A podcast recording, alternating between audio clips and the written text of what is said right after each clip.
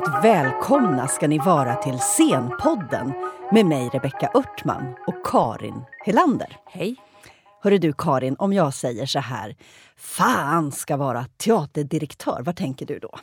Ah, då tänker jag på en eh, pjäs med ett resande teatersällskap och så tänker jag att det ligger väldigt mycket i det att det är ett ganska besvärligt jobb att vara eh, teaterdirektör. Särskilt tänker jag kanske om man är det för en privatteater som Ja. inte har några statliga eller andra sådana offentliga anslag.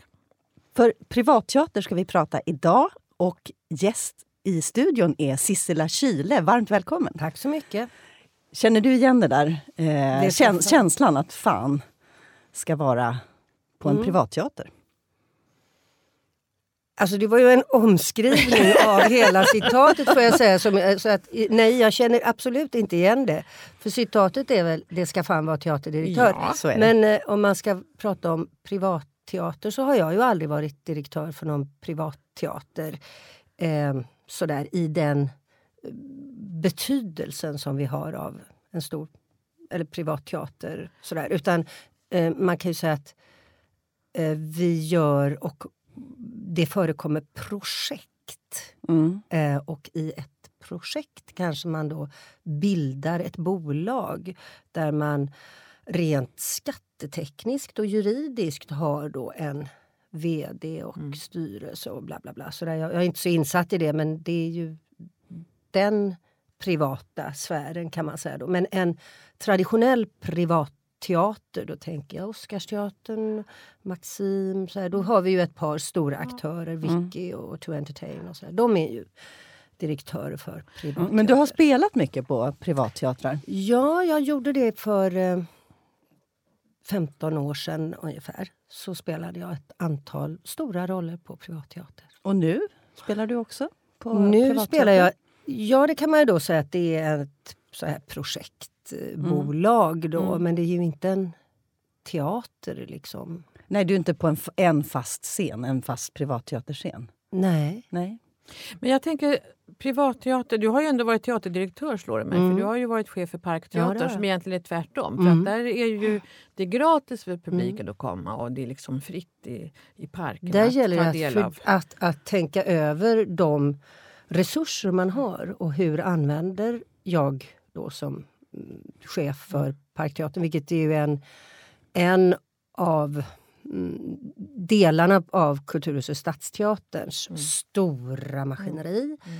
Eh, En mellanchef, den besvärliga Mm. mellanchefssituationen där man är då mellan vd och eh, och då får liksom försvara sin budget Mm. och sitt handskandes med de medel man har. Men de får man Mm. ju försedd i en budget. Och så gäller det det ansvar som till exempel Parkteatern är att förse Stockholm, för det är ju Stockholms teater det här. Det är ju inte för hela landet, det är inte kringresande mer än i staden. Men staden är stor och staden Och växer. mycket turister på sommaren. Ja, och de kan man ju ta ansvar Ja. för. Men det är ju inte huvudsakligen egentligen dem. Utan det är ju för de i Stockholm boende. Men Stockholm är ju stort och växer. Men du, då tänker jag ja. privatteater, alltså i själva begreppet privatteater ligger ju då att man att det är en kommersiell teater Mm. så tillvida att man har inget statligt eller Nej. kommunalt eller annat regionalt stöd utan man är liksom tvingad att förlita sig på eh, intäkter, biljettintäkter i hög grad, kanske reklam och den typen av saker, lite försäljning och sådär.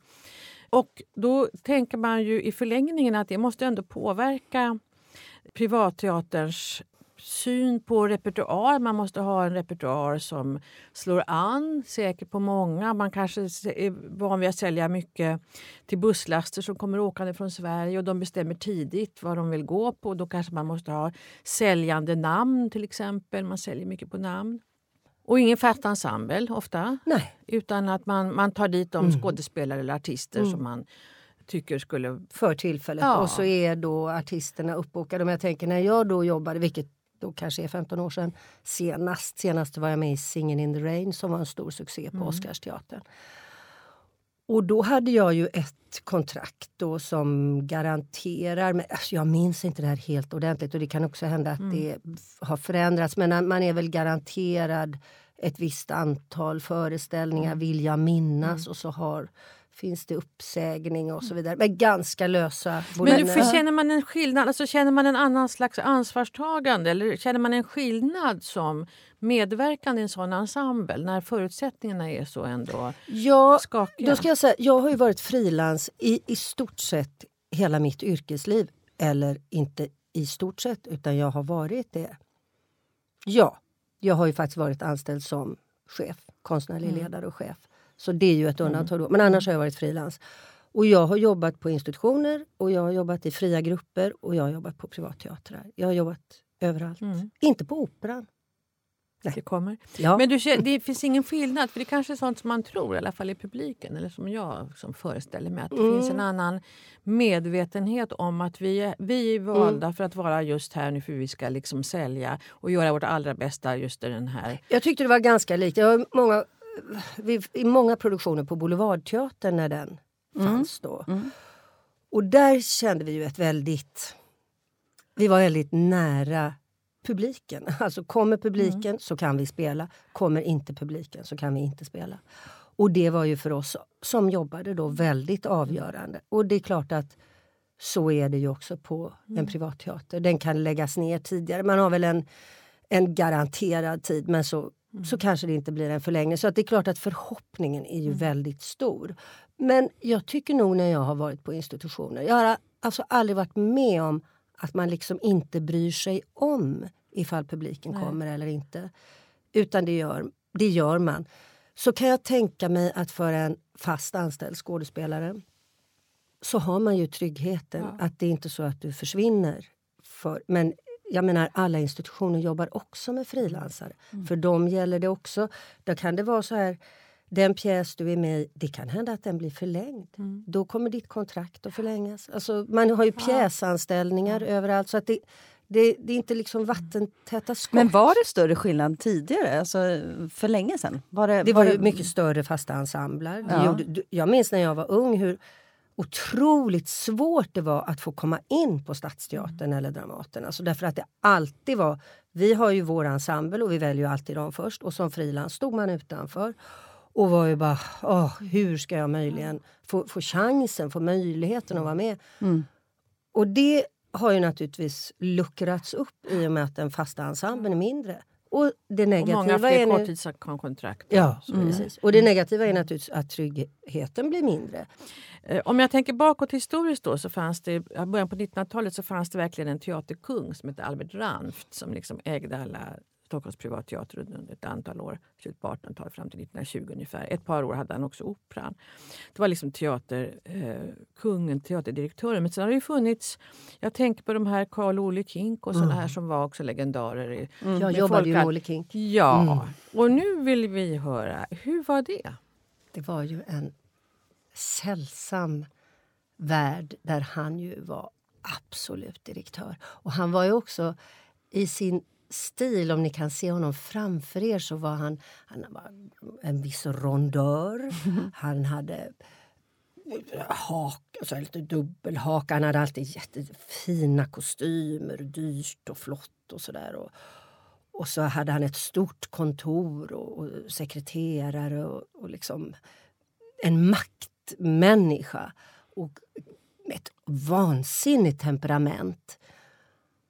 Och jag kom till, hon, till honom. Han var, därför att han faktiskt på mitt första möte med honom så sa han... Eh, jag, för jag hade gjort lite, inte succé, men jag hade gjort bra ifrån mig en mm. liten roll på eh, Kinateatern som då ägdes av Bosse Parnevik mm, och eh, tre, några andra. Eh, Hasse Wallman mm. som sedan då tog över mm. Kina Folkan, jag hade gjort lite succé där och Olle hade varit och tittat på föreställningen och så var jag kallad till hans kontor. Och så sa han då att han, han frustar, han andades sådär genom näsan. Så, ja, nästa säsong så ska du vara här på Folkan.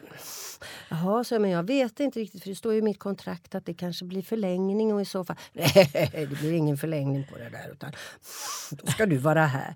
Jaha, och det var då första uppsättningen av Hotelliggaren och där Gösta Ekman, Birgitta Andersson, Stig Grybe, alltså det var så många, Meg Westergren, det var så många jättekul, framförallt då Gösta och Birgitta som ju var jag tyckte det var så mm. otroligt kul att få jobba med dem. Så att jag var ju, ja, ja, mm, ja men det vore ju kul att säga, ja och det ska du veta sen när du kommer hit att då ska du kalla mig för far. Mm, kalla mig far. Och om du har några problem, om du mensar eller abortar så kom till far, kom till far. Så alltså det här var ju verkligen, alltså, fatta en annan värld. Tänk er att säga så. Här talar vi teaterdirektör. Ja, det kan vi säga. Och han kollade, alltså han var han var på teatern varenda kväll och han titt, man fick liksom visa upp sig för honom att kostymen, eh, peruken, att allt såg snyggt ut och att man absolut, att inga fribiljetter på något sätt smusslades ut. Eller så, utan, han hade ju absolut generalkoll på det här. Var han med i publiken? Satt han med då och tittade? Nej, det tror jag inte. Nej, Han, han var tittade där och och, så gick han hem och så hade hans fru, då hade hon ordnat middag. Då gick han hem och det kunde han säga. Och han kunde också visa bilder. Titta här vad far har, har köpt eh, hus och så var det någonstans. Då det, ja, det är bra, nu har ni jobbat ihop till far. alltså det var, han var verkligen eh, frank, alltså helt öppen med att det var business. Och det var ju gyllene år för privatteatern. Och det här var ju också stort då att Gösta gick till eh, en privatteater och jobbade där och gjorde ju en fantastisk... Alltså jag, såg, jag stod i kulissen och tittade kväll efter kväll. Och vi blev ju också kompisar, vilket du Karin vet, för att vi kom ju sen och jobbade ihop. Så att vi behöll ju kontakten under alla år. Men var det mer skottsäkra eh, väggar mellan priv- det privata och eh, Dramaten till exempel? Alltså att Absolut. man, att man ty- tyckte man skulle inte gå emellan där? Det fanns ju de som gjorde det. Lena Nyman, eh, Marie Göransson. Men det var inte vanligt. Men det var väl också, det var också en statusfråga, tänker jag. Att man kunde tillåta sig det, tänker jag. Man Mm. hade hög status. Men, Men- däremot åt andra hållet, nej. Nej. Nej. Och det, jag, jag tyckte ju som ung då många gånger att det var så trist att det var så, så svårt att få komma in på, på institutionerna. Och jag vet att man hade kanske en diskussion med någon regissör som tyckte att vad kul det skulle vara om du var med i det här. Men det gick, för då fanns det någon i ensemblen som skulle kunna. Så det var ju väldigt... Uh, ska jag säga, för man pratar ju ofta om hur negativt det är att man drar ner på de fast anställda. Och jag kan verkligen på många sätt sympatisera med det och förstå det. Men som frilans från grunden så får jag säga att det var rätt tufft att vara Ja, utanför. vara utanför. Ja. Nu har det, gick det ju bra. Jag har ju gjort så mycket och liksom varit, ofta varit kreativ själv vilket är ju då möjligen en annan aspekt av det här privatteater, att det är privatteater. Som, där jag har gått in och satsat och gjort och, och också varit skrivande och delaktig. Sådär.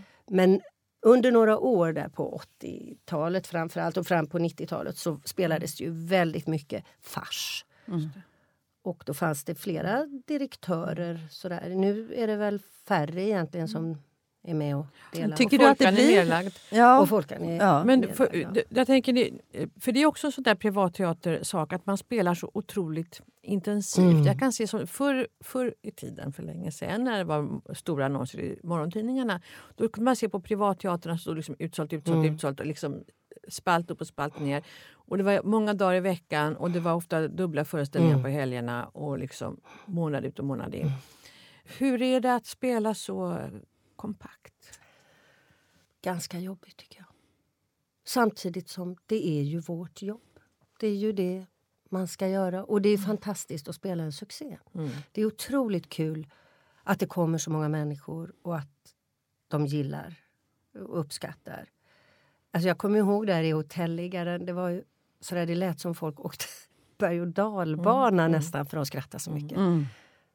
Det var ju fantastiskt. Och Singin' in the rain var ju också en enastående framgång. Det var ju också jättekul. Men där, just när jag jobbade med Singin' in the rain så var jag med i två säsonger och vi spelade, det var ju då en mega succé. Eh, Och det var på Oscars. det var på Oscarsteatern och det var Vicky von der Lanken. Och där var, var då dansen, skulle jag säga, det som var så fantastiskt bra, som lyfte hela föreställningen. Jag upplevde en sån befrielse. För att jag spelade själv då stumfilmsstjärnan Lina Lamont som jobbade med problematiken, alltså att hon har så hemsk röst. Och det här höll jag på... Jag bara berättar Nu börjar jag fnissa bara jag tänker på den där roliga föreställningen. Ja, det var väldigt Ja, det var jättekul. Men jag, jag höll på och slet då för jag skulle hitta ett röstläge som då berättade att det här är en människa som inte klarar övergången till ljudfilm för att hennes röst är så jobbig. Samtidigt kunde inte min röst vara så jobbig att publiken liksom inte stod ut utan på något sätt. Och jag var ju själv rent tekniskt måste jag ju också Dina hitta något som stämband, jag... tänker jag. Exakt. Och då hittade jag någon liksom nasal så att jag la den i Jag är bäst. Jag låg här uppe och pratade. Vilket ju var jobbigt för publiken att höra och som också var tydligt att det höll inte i en film. Men samtidigt så kunde jag, för jag pratade i princip i näsan. Så att det där gick ju då. Men jag slet med det. Jag tyckte gud det här är...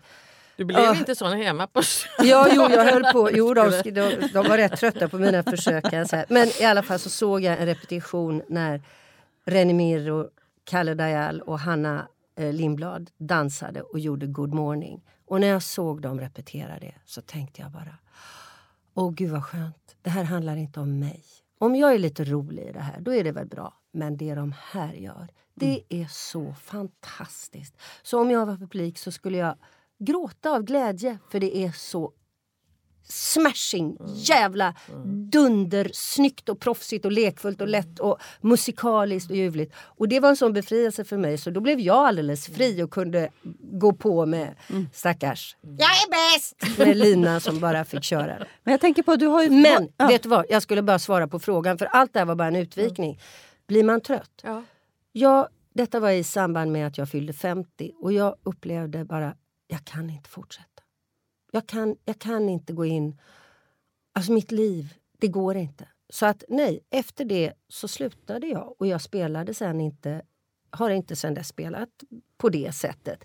Men vad gjorde jag? Jag gjorde en egen föreställning som hette Dina dagar är räknade. Som jag, så det var första gången jag då Och har du räknat gjorde en föreställningarna privat. på den? 150. Ja. Ja. Så att det blev ju... Men då bestämde jag själv och jag kunde säga nej men på påsken vill inte jag spela eller då fyller Martina år. Då vill inte, alltså jag Ja, var du kunde styra jag det på ett annat sätt. styra. Ja. Och så blev det ju då tack och lov eh, underbart nog en succé. Så att jag, det gick ju liksom, annars så kan man ju pressas. Av Ja. olika.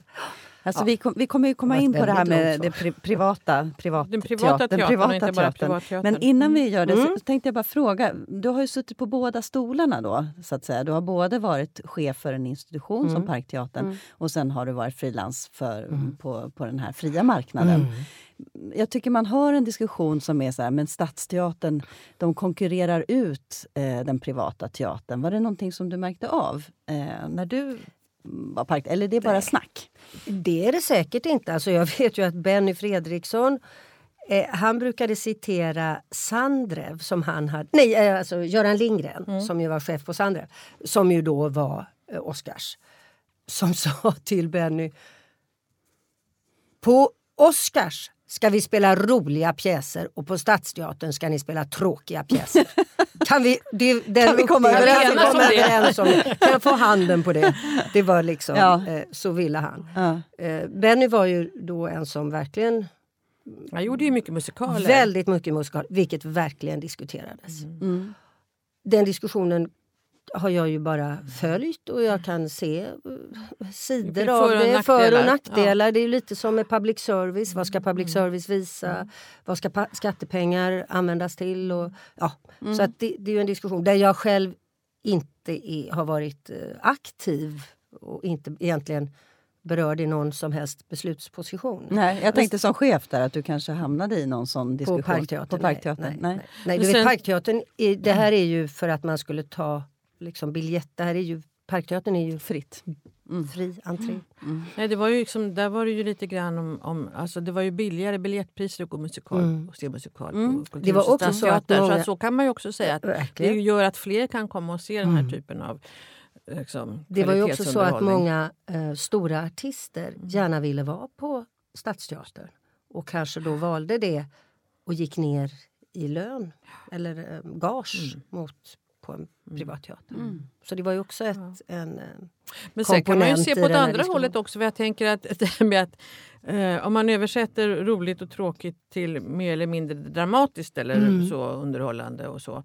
Så finns det ju också, det är också en gammal tradition, jag tänker på Per Gerhard och så. Alltså att också spela, det finns ju nu också på Maxim. Att Mm. man spelar mer dramatik. Att man spelar liksom Tennessee Williams eller, eller ja, Ja, Shakespeares Macbeth är ju eller ett sådär. jättebra På- exempel. ja. Man gjorde ju försök på Vasateatern också för några år sedan med, med det. Nu, nu försvann ju det av Absolut. olika. Men det var ju även Agneta Willman som Ja, ju är en jättespännande... Har ni haft henne här? Nej. Nej, men det är ju en spännande människa just när det gäller privatteater. Eh, det som ni efterlyser lite, som jag då inte Att riktigt våga kan.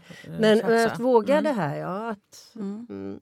Men är inte det ofta i samproduktion då, när det blir lite mer dramatisk teater som Nej, Maxim de, och så? nej de har, nu, nu är det ju det, men det beror ju Ja, på, mycket på ett plåttak så är Ja, just det. det. Men, det är ju för att teater. Stadsteatern Ja. har varit stängd och för att Dramaten också har varit periodvis stängd. Så att Mm. där, det är ju mer av sådana skäl som det är ett samarbete med, med det. Men när man gjorde Kung Lear, eller Macbeth. Macbeth eh, eller Dödsdansen Ja, tror jag var det. rena produktioner från Maximteatern. Om Då ni skulle jobbar man framtids- ju mycket Ja. också med liksom att ta fram de stora skå alltså skådespelarna verkligen, och liksom verkligen. mycket press Så där kommer och man ju in på det. annonser. Ja. Och, och där kan man ju tänka också att på eh, Stadsteatern till exempel då så kanske man när man sätter upp en musikal vågar mer, vågar göra konstnärliga beslut av en annan typ än man på de mer skulle jag säga konventionella privatteaterscenerna där man liksom vill ha någon slags säkerhet. Så där. Det finns en liten oro för det som sticker iväg. Det kanske inte är en slump att jag tänker den som går nu i Uppsala, Next to, Next to normal, Normal. som är musikal som Mm. handlar om psykisk ohälsa. Den har gått på Värmlandsoperan och, Och den har gått på Stadsteatern Mm. och nu går den på Uppsala Mm. stadsteater. Ofta med väldigt fina Mm. eh, sångare i huvudroller och så, Lisa Nilsson och Helene Sjöholm och så. Men det, det Den omhuldas av institutionen. En av mina Ja. favoritmusikaler är, är Spring Awakening. Den skulle jag ju verkligen vilja jobba med. Men det skulle ju vara på Stadsteatern skulle jag tänka i så fall, eller Dramaten. Om ni skulle framtidsspana lite, man ser då utvecklingen för att man drar ner kanske på de institutionsteatrarna och att det blir mer tryck på privatteatrarna. Kan ni se en sån utveckling? Att man, att man kanske... Om, om vi bara tänker, vad, vad skulle ett scenario vara om stadsteatrarna, eh, de statsunderstödda teatrarna, inte får samma finansiering som de har fått? Blir det mer uppluckrat? Blir det här privata och stadsteatern, blir, det, blir de närmre varandra? Kommer vi se mer dramatik, dramatisk teater på privatteatrarna i framtiden? Som det ser ut nu så finns det ju det. Men som sagt, det är ju inget nytt. Det har ju funnits tidigare också under andra liksom, teaterdirektörer med andra skådespelare. Så det är inget nytt under solen att man spelar mer dramatik. Kanske, ja, nej men det har man ju gjort hela tiden som ett sidospår mer kanske, men ändå. Och sen... eh, Vi har ju det där Playhouse också. Ja, det finns ju flera Mm, det exempel. kommer ju poppa upp lite ny, nytt. Och Men jag kan- tänker ofta ja. så här att finns, det är ju som Björn Borg. Finns det en bra tennisspelare så kommer det fler. Kanske är det så nu med Maxim att man har vågat göra de här. Så kanske det, men det är ju ändå... Ja. Men det kanske blir be- mer att man jobbar som du då, Sissela, att man skapar ett eget Ja. bolag. Mm. Eh, Och när marknaden blir hyr in mättad, det är ju det också. Att, alltså, det, blir, det är lite gungor och karusell. Så har det i alla fall varit förut. Att jag, tänkte jag, när, det var, när det var ännu fler privatteatrar och man spelade mycket komedi och fars och revy, musikal, operett och sådär. Så var det lite liksom, vilka kommer att dra de stora busslasterna Mm. från Sverige i år? Vilka skådespelarnamn är det som kommer att dra mest? Det var ofta inte så mycket pjäser utan det var skådespelarna som Och det där tror jag Och vinnare och förlorare. Så det är liksom, hur stor är marknaden egentligen? Det är Och det där fi- har, har jag hört alltså att man jag menar när man gjorde då eh, Så som i himlen som ju blev en jättesuccé nu på Oscarsteatern. Det är klart att okej nu förlänger de. Där förhåller sig väl då de andra privatteatrarna Ja, kan jag tänka. Om man lite oh shit nu gör de, ja då får vi se hur. Det, Ja. det här, jag Ja. är ju inte inbjuden i det samtalet men jag kan väl mycket väl tänka mig det. Men ska vi gå över lite från den här, för jag tänker ditt sätt då att, att liksom, när du tänkte i Singing the Rain där att nu, Mm. nu får det vara nog med den här typen av, av eh, privatteater och du började liksom mer göra egna projekt. Mm. Då blev det ju då snarare en slags privat inspirerad teater kan man väl säga. Det kan man säga. Eh, Det var två ben därför att för mig var det här också en ganska mm, så här, privat upplevelse av döden och livets ändlighet och sådär som gjorde att jag, jag bara kände att jag, jag kan inte spela så mycket. Jag har inte tid, jag vill ha tid att bara... Jag hade metaforen att jag ville sitta på en sten och titta på en annan sten liksom bara slow down. Så här, det är ju, jag är ju inte så här jättebra på det. Så att då blev det att jag gjorde den här föreställningen. Men det jag också hade haft med mig i, sen jag slutade scenskolan nästan, det var att jag ville regissera.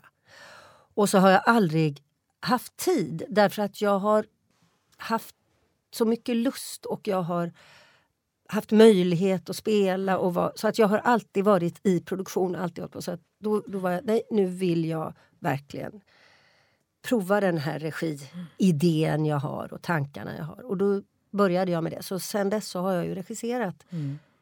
lika mycket som jag har spelat, kanske mer.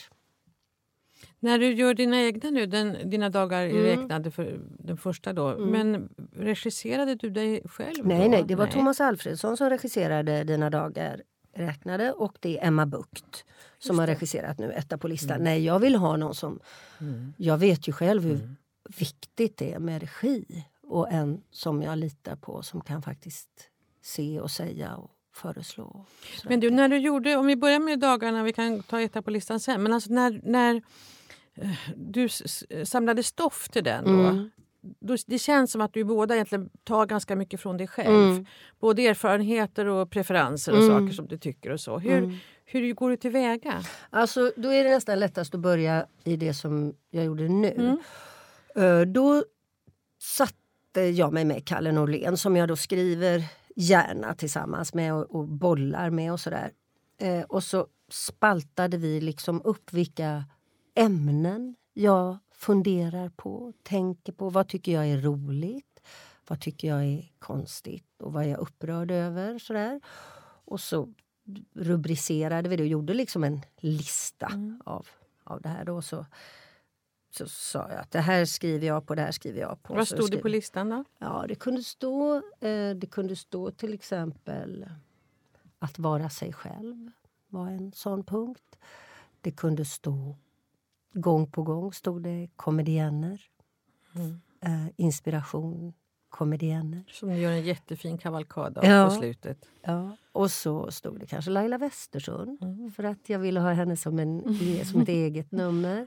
Eller så står det, det stod ett som var Plikten och det höll jag på med och gjorde ett stort nummer. Ett långt nummer och med en underbar sång som Kalle skrev och som jag strök, eller Emma och jag strök på efter första pu- publik.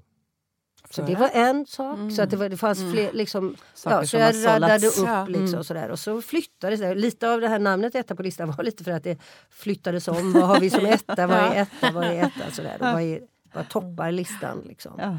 Så, så så gick det tillväga. Och, ehm, det var också Kalle som från början inspirerade mig så att jag gjorde den där första föreställningen. För att jag hade sett Ellen Stritch gjorde ju en eh, one woman show som jag tyckte var så jädra cool och kul och frän med att hon bara berättade. Jag gillar så mycket det där berätta. Ehm, och berätta roligt och intressant. Så han inspirerade mig och gav mig faktiskt självförtroendet att jag skulle våga göra det. Och att jag skulle också våga framföra mina egna texter. Så där. Kan man, jag hade ju gjort Men du flera... skriver, du har ju skrivit ja, mycket. Visst, ja, så att varför vad var jag så eh, orolig för? Jag, men det var ändå som ett steg tyckte jag. Jag hade rå ruelse innan. Åh, varför skulle just jag göra just detta? Och så fick jag tänka, men herregud, varför inte? Varför inte? Men jag tycker liksom att ta den platsen och sådär. Så det var, det var Men sen gör du någonting som är väldigt avväpnande för du hälsar ju på publiken Mm. när den kommer. Mm. Apropå att känna sin publik. Mm. Vad ger det? Ja, för mig är det mycket ett sätt att hantera nervositet faktiskt. Och stress. Att jag liksom kan känna mig, åh hjälp, eh, vem är jag att stå här? Så tycker jag om jag hälsar hej så ser jag, det är ju folk som Vanliga kommer. Det är ju människor. vanliga människor Ja. och jag är också en vanlig Ja. människa, hej hej. Så jag är verkligen, för annars kan jag älska teatermagi, alltså ridåer, det går upp och en annan värld och så. Men här vill jag inte alls ha det utan jag skulle, vill mycket mer att jag är precis här och jag går upp och så berättar jag. Ett Så här privat tilltal. Mm, Verkligen. Men finns det när du satt med den där listan, eller när ni gjorde det, Mm. fanns det också saker som du tänkte men det här blir just för privat? Det här Mm. är ändå kan jag inte ventilera på något Jag hade, ja, det, det, alltså jag skulle säga att jag undviker det. Jag, jag tar inte sånt som jag känner är för privat. Det skulle liksom inte falla mig in på något sätt. Men jag hade med också ett spår som var, handlade om min mamma. Och eh, Det kände jag var... Det, hon kom in lite i början på den här först när vi arbetade med det. Så var hon lite som en kommentator kan man säga. Eh, och det var ganska roligt. Jag hade henne liksom på dödsbädden som kommenterade. Och det var fint. Men det var så fint så jag kände att det där vill jag göra ännu mer. Så jag kanske gör en ny En föreställning Ja. som är mer med den utgångspunkten. Jag skulle vilja göra en kvinnohistorisk eh, lektion i underhållande format. Men där har du ju en bra Tycker ni det början. lät som en bra Nej, det tycker jag låter toppen. det har ju, det har du ju en bra början med. Jag tänkte på när jag såg de här kvinnorna Ja. som du verkligen eh, gör en hommage till sådär som man känner. Och där fanns det också en del såna här tycker jag, privatteater, roliga som jag minns från min barndom. Siw Eriks, gud vad jag skrattade åt Siw Eriks. Alltså Siv Eriks! Det, hon är ett kapitel för sig. Du vet, hur kan man sätta repliker? Hur kan man vara så på något sätt såsigt ofokuserad och ändå vara så jädra spot on? Sen finns det ju en annan som jag är så stort tack skyldig och som också hade ett eget nummer som jag och det är ju Inga Gill. Ja, För det var faktiskt visst. tack vare henne som jag liksom kom in i privatteaterbranschen. Nu berättar jag det. Ja, berätta det. Så kan ni klippa det om det blir Nej, för men långt. det. Nej, men, ja, men det kan vara roligt för Henrik att få höra också. Då var det så att när jag slutade scenskolan så fick jag jobb Två tv-jobb. Ett var med Lars Molin, en serie som heter Zombie som inte blev speciellt bra och jag var absolut inte bra. Och sen var det en som Kjell Grede gjorde en tv-teater som hette Studenten som inte heller var någon vidare ska jag säga. Och jag spelade flickvännen, Majken och Majken hade en mamma som spelades av Inga Gill. Vi hade inte många scener tillsammans, det var inget med det. Men i pausen, i pauserna, alltså vi fann varann så totalt. Jag bara tokgillade henne och hon tokgillade mig. Så när hon sen skulle vara med i en fars på Kinateatern, det var en som hette Rassel. Allting hette så på den tiden. Prassel, trassel, med Z. Ja, liksom. det var inte Det var fränt. coolt. Prassel. Gösta Pruselius, Lars Lind, Meg Westergren, Inga Gill och en tjej som heter Jessie Flaus. Och så skulle det vara med en ung flicka som skulle vara företrädesvis rolig. Inte nödvändigtvis så astonishing, eh, super... Alltså det var inte det, utan hon var kompisen. Den deppiga kompisen till den fräna partytjejen. Och då rekommenderade Inga Gill mig. Alltså på bara så här. Och då fick jag det jobbet. Utan att behöva liksom någon audition eller någonting. Nej, jag fick det. Och Putta Alsell, här är många gamla namn men i alla fall regisserade. Och det var så roligt. Hur och, gammal var du då? Ja, men jag var väl 27, kan jag vet inte, 26.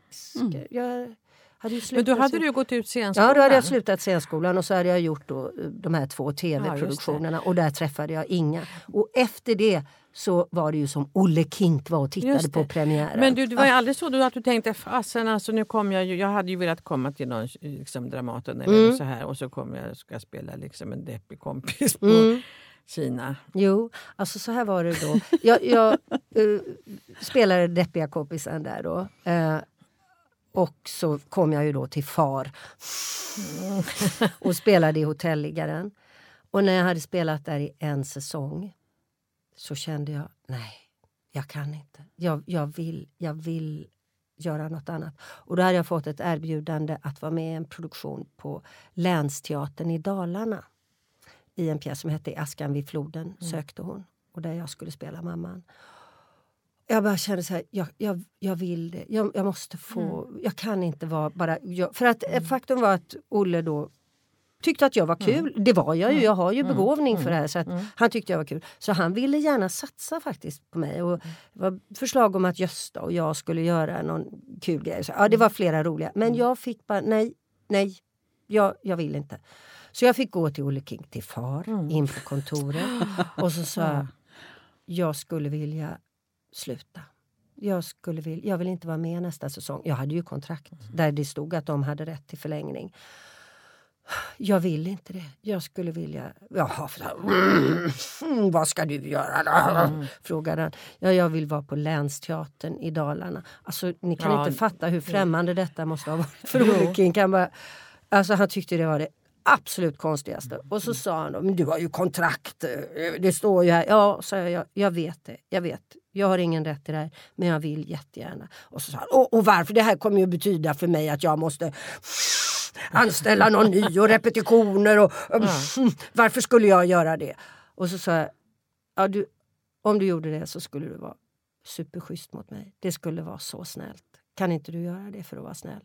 Och då sa han ja. Mm. Wow. Och jag ska säga att jag mm. tror att han var så glad över mm. att han var snäll mot mig den mm. gången. Så efter det, alltså han var så glad så han kunde säga du, för jag jobbade med honom igen sen och då kunde han säga du, äh, du kan berätta det där. Då ville han att jag skulle liksom tala om det här. Att han hade varit så där, faktiskt bara helt enkelt snäll. Ja. Det var... Men du, jag tänker på Inga Gill då igen och, och Siv som här. Har du själv sett dem mycket? På, är det på film eller på ja, teater? Ja, jag har sett dem på liksom... film. Och mycket, de har gjort ett sånt avtryck på mig. Alltså jag har från när jag var liten, de här, jag, min favorit är ju Dagmar Ebbesen. Och från när jag var liten så har jag liksom den här... Så det, det, är ju som den där genren som var stor mm. egentligen innan, före 50-talet. Det finns ju i Amerika också. Vi har ju hon eh, Mary Dressler som ju var enorm, alltså så jättestor. Det är ju lite samma genre alltså av den vuxna kvinnan. Vill, alltså man kan säga tant, de spelar ofta hembiträde, de spelar ju roller som fanns mm. i det snäva fack där kvinnor fick röra sig. Liksom. De kunde vara fina damer möjligen eller de kunde spela skådespelerskor eller mm. Ja, hembiträden, mm. kanske lärare. Sådär. Och där var de då mm. inte i första hand i sin apparation av skönhet eller sin eh, sexighet mm. eller så, utan för sin kraft mm. och sin komedikänsla. Mm. Alltså det där, ingen kan ju som Dagmar sätta repliken som spjut. Liksom. Och jag blev så... Alltså jag har alltid blivit inspirerad. Men det där tänker jag faktiskt är någonting som att, eh, att skådespelare som har den där tajmingen och har den där känslan för liksom, eh, att sätta en replik som är spjut mm. har ju ofta igen det sen när de spelar annat än komedi. Mm. Eller så. Mm. Alltså ja, annan dramatik tycker jag. Att mm. Man har som skådespelare en otrolig nytta av den där kunskapen som man väl då kan öva upp till liksom, mm. briljans på kanske komediscenerna mm. men som är underbart var man än ser den. Men du tänkte jag etta på listan där din mamma är med men även din man kommer med på ett hörn. Mm. Ja mamma är ju inte med speciellt Nej, hon är, mycket. Nej, men hon, hon är, du nämner henne ändå? Jag nämner ja. henne men det är ju mm. mormor mer ja, som kanske det. dyker upp då som ett sånt där festligt fruntimmer som mm, berättar roliga historier och sådär. Mm. Men din man är med på ett litet hörn? Men där är med lite grann ja, och får, som jag skojar med då. Ja. Mm. Eh, och då tänker jag så här för att det är ju inte bara att du gör egna produktioner utifrån då dina egna erfarenheter mm. och tankar och så. Och som du också skriver delvis eh, så. Men eh, du är ju också en offentlig person i ganska hög utsträckning. Alltså du är med i olika liksom, nöjesprogram på tv, du har haft sommarprat. Och liksom, man, man känner till dig som mm. en offentlig person. så. Och man vet vem ni, din man kanske vet man att han är psykolog, han heter Per och han är också med på något hörn ibland. Och så där. Har du Finns det för och nackdelar med den här liksom, dubbelheten i att använda sig av det privata? Ja, alltså ofta väljer jag att inte tänka på det. Det var ju ett praktiskt... liksom. Kallat förträngning. Ja, det kallas förträngning. Jag, jag liksom... Överlevnad. Tänker... För det första tänker jag ofta så här. Vem bryr sig? Om man då vet, ja, där är hon. Hon pratar om sin mamma. Jag har ju pratat om mamma i, i sommarprogrammen mm. och min pappa faktiskt också. Mm. Och man kanske vet att jag då är ihop med Per eller så. Men jag tänker så vem bryr sig? Där är en, alltså, jag, jag, kan inte tänka mig. Men en gång så var det en som sa, var det en som sa träffade jag, jag kommer inte ihåg vem det var, sa så. Du, eh, eh, min moster hon, hon, såg dig på Konsum, du vet där på eh, Nytorgsgatan. Eh, ja. nej det var bara det. Mm. Alltså det var bara Mm, det. mm. Och då fick jag ju lite bara ett svart hål in i mig. Att, oh. Men så är det ju även ja, men så är det ju om du visar dig så är det ju även med folk som är väldigt slutna om sitt privatliv. Så är det ju ändå så, kanske ännu kanske mer. andra handlar på Konsum. Jag menar vi, Ja. vi gör ju det. Och Det jag ingår i verkligen offentligheten. väljer att inte tänka att jag behöver ha solglasögon och keps på något sätt. Utan Jaha, och oftast, ja men som nu om, när vi köpte kaffe, att då säger tjejen det är ju du. Ja, säger jag, det är ju jag och där är ju du. Liksom. Så var det, och mer är det ju inte. Nej, nej. Liksom. Ja. Så att jag, jag funderar rätt lite på det. Ja. Och vad gäller då till exempel det här med Per i föreställningen så är det ju en skoj. Det finns ju ingenting som är på riktigt. Han får ju bara iklädas en roll av att, ja, som Mm. passar Ja, ja, i föreställningen ja, för att ja. jag ska kunna berätta något som jag tycker är kul. Du, jag tänker på den här förra showen du gjorde, Dina dagar är Mm. räknade, eh, som du förstår man började i en slags livstankar om Mm. livet och döden och förgängligheten och så. Men den, jag kommer ihåg, eller jag tror jag kommer ihåg, att det var ett helt underbart slut där du ger dig liksom bara hän i en helt vild och yster dans. Så man tänker, åh sådär, Mm. mm, så kan det Mm. kännas. Fick du med dig den där känslan från den? Alltså den slutade, det fanns med en sång som Ja. hette Jag vill bli gammal. Och det var en så fin text som Kalle hade skrivit och det var faktiskt en specialskriven musik av Benny Andersson. Så det var ju, och den var så fin. Så finstämd, så melankoliskt hoppfull, så livsbejakande med döden som skimmer. Så den var så underbart fin. Så jag bara kände så här, jag vill göra någonting efter som bara är! Ja. Skit i det, vad fan vi är ju här nu, vi bara kör! Och då var det, då kom den här liksom tokdansen. Ja. Som ju blev Ja. så befriande. Så det var ju ett så härligt slut på föreställningen. Och den befriade ju även tänker jag, mig som publik. Ja, jag var liksom med och dansade. Ja, ja. Hela, med varje fiber så Ja. var jag där och det var toppen. ut. Det var ett så bra slut. Men jag tycker även att jag har ett så bra slut nu, etta på listan, med kavalkaden Mm. av alla de här komediennerna som får Mm. pl- ta plats. Mm, Du gör ett popperi Ja, av jag. flera Ja, eh, Ja, komedienner, ja. komedienner. Mm. ja. Du pratade om att du ville gå vidare med det här med kvinnohistoria. eller hur? Ja, jag lurar på det. Att jag, det här då att göra denna privata teater, alltså eh, liksom själv driva och sätta igång och, och göra alltihop. Det, det har, ju, har jag ju nu gjort två gånger och det har ju varit väldigt peppar peppar lyckosamt därför att det är ju helt beroende på att publiken vill komma till det. Annars så får man ju packa ihop det där och så har man väl förlorat en del pengar och så var det med den saken. liksom. Jag tänker på det där, apropå det att, att man känner till dig och så att man vet att du är rolig.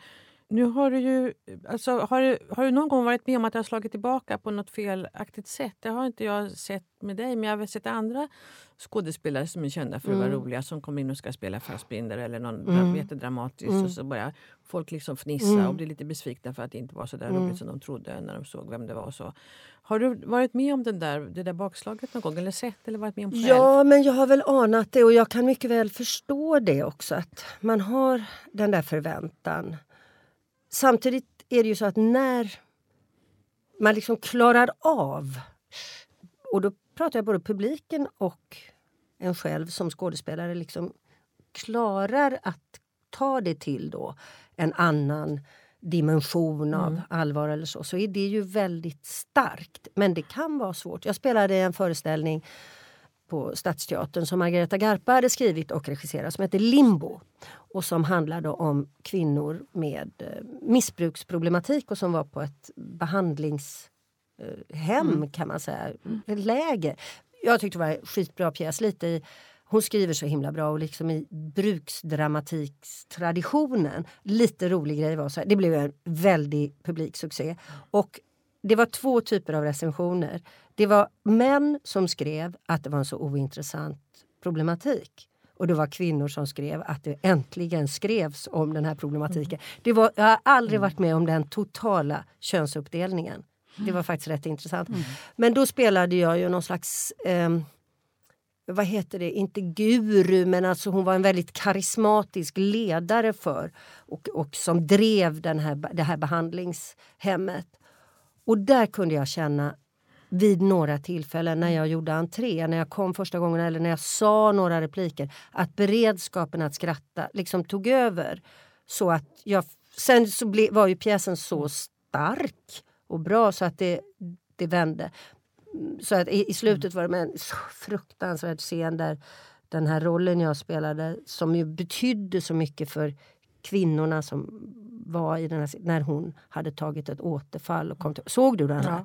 När hon kom tillbaka och var full. Det var så hemskt. Det var så jobbigt. Alltså jag tyckte det var så jobbigt att repetera. Jag tycker det är jobbigt nästan att tänka på hur...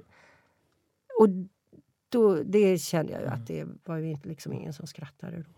Men du, där vi var inne på lite förut, det här med statusen och pressen. Tycker du att du eh, märker du någon skillnad liksom, hur, hur man blir omskriven eller hur det skrivs om? Om vi tänker privatteater eller liksom komedi eller show och, och uh, dramatisk teater. Eller är det bara en myt att det är, det är ju skillnad svår... på status? Nej, men det är ju svårare med komedi. Det är, alltså det är svårare att få så här, full respekt för det. Så är det. Nu, nu ha, finns det... Det finns ju större acceptans skulle jag verkligen säga och större intresse. Inte minst för kvinnor inom komedi. Men av tradition och nog sitter det kvar att, att, eh, att få folk att skratta är inte lika fint mm. som att få folk att ha riktigt tråkigt. Nej, jag skojar bara. Få men, folk att... Och, nej, men, gråta nej, en, liten, en liten ja, klädsam skvätt. Ja, gråt. Mm. Eller, eller, eller känna på riktigt mm. att nu blev livet riktigt ja. svårt. Alltså, och jag menar, det är ju fantastiskt, liksom, men, ja. men det är aldrig riktigt i den. Men så finns det ju en del som jag, jag, tycker det är både och, men i stort. Om man kan titta på det som med filmer så är det ju nästan hopplöst för en komedi ja. att nå riktig respekt. Ja. Liksom det. Ja. det ska vara... Känslomässig befrielse kan man ju få både av det svarta och av det här, den här häftiga dansen mm. eller det här underbart liksom, roliga och mm. livsbejakande. Så. Har du någon drömroll kvar?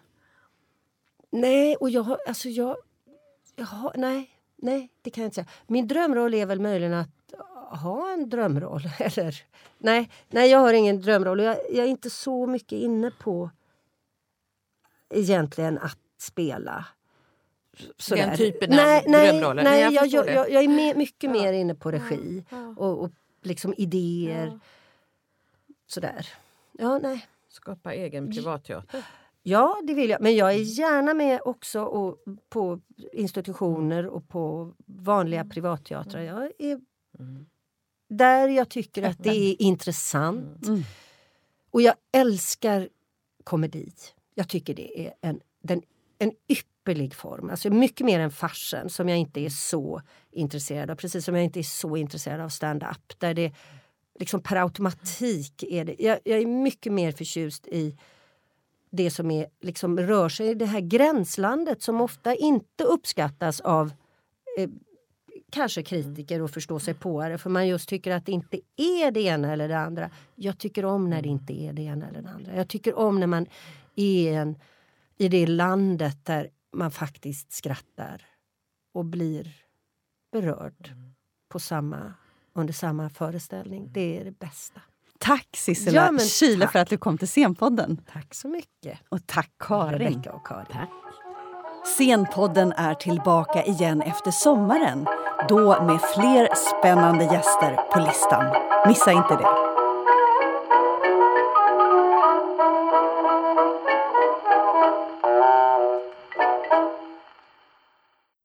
Du har lyssnat på Scenpodden, en podcast från Rats Teater och Humanistiska fakulteten vid Stockholms universitet. Podden spelas in på Språkstudion och tekniker är Henrik Nordgren.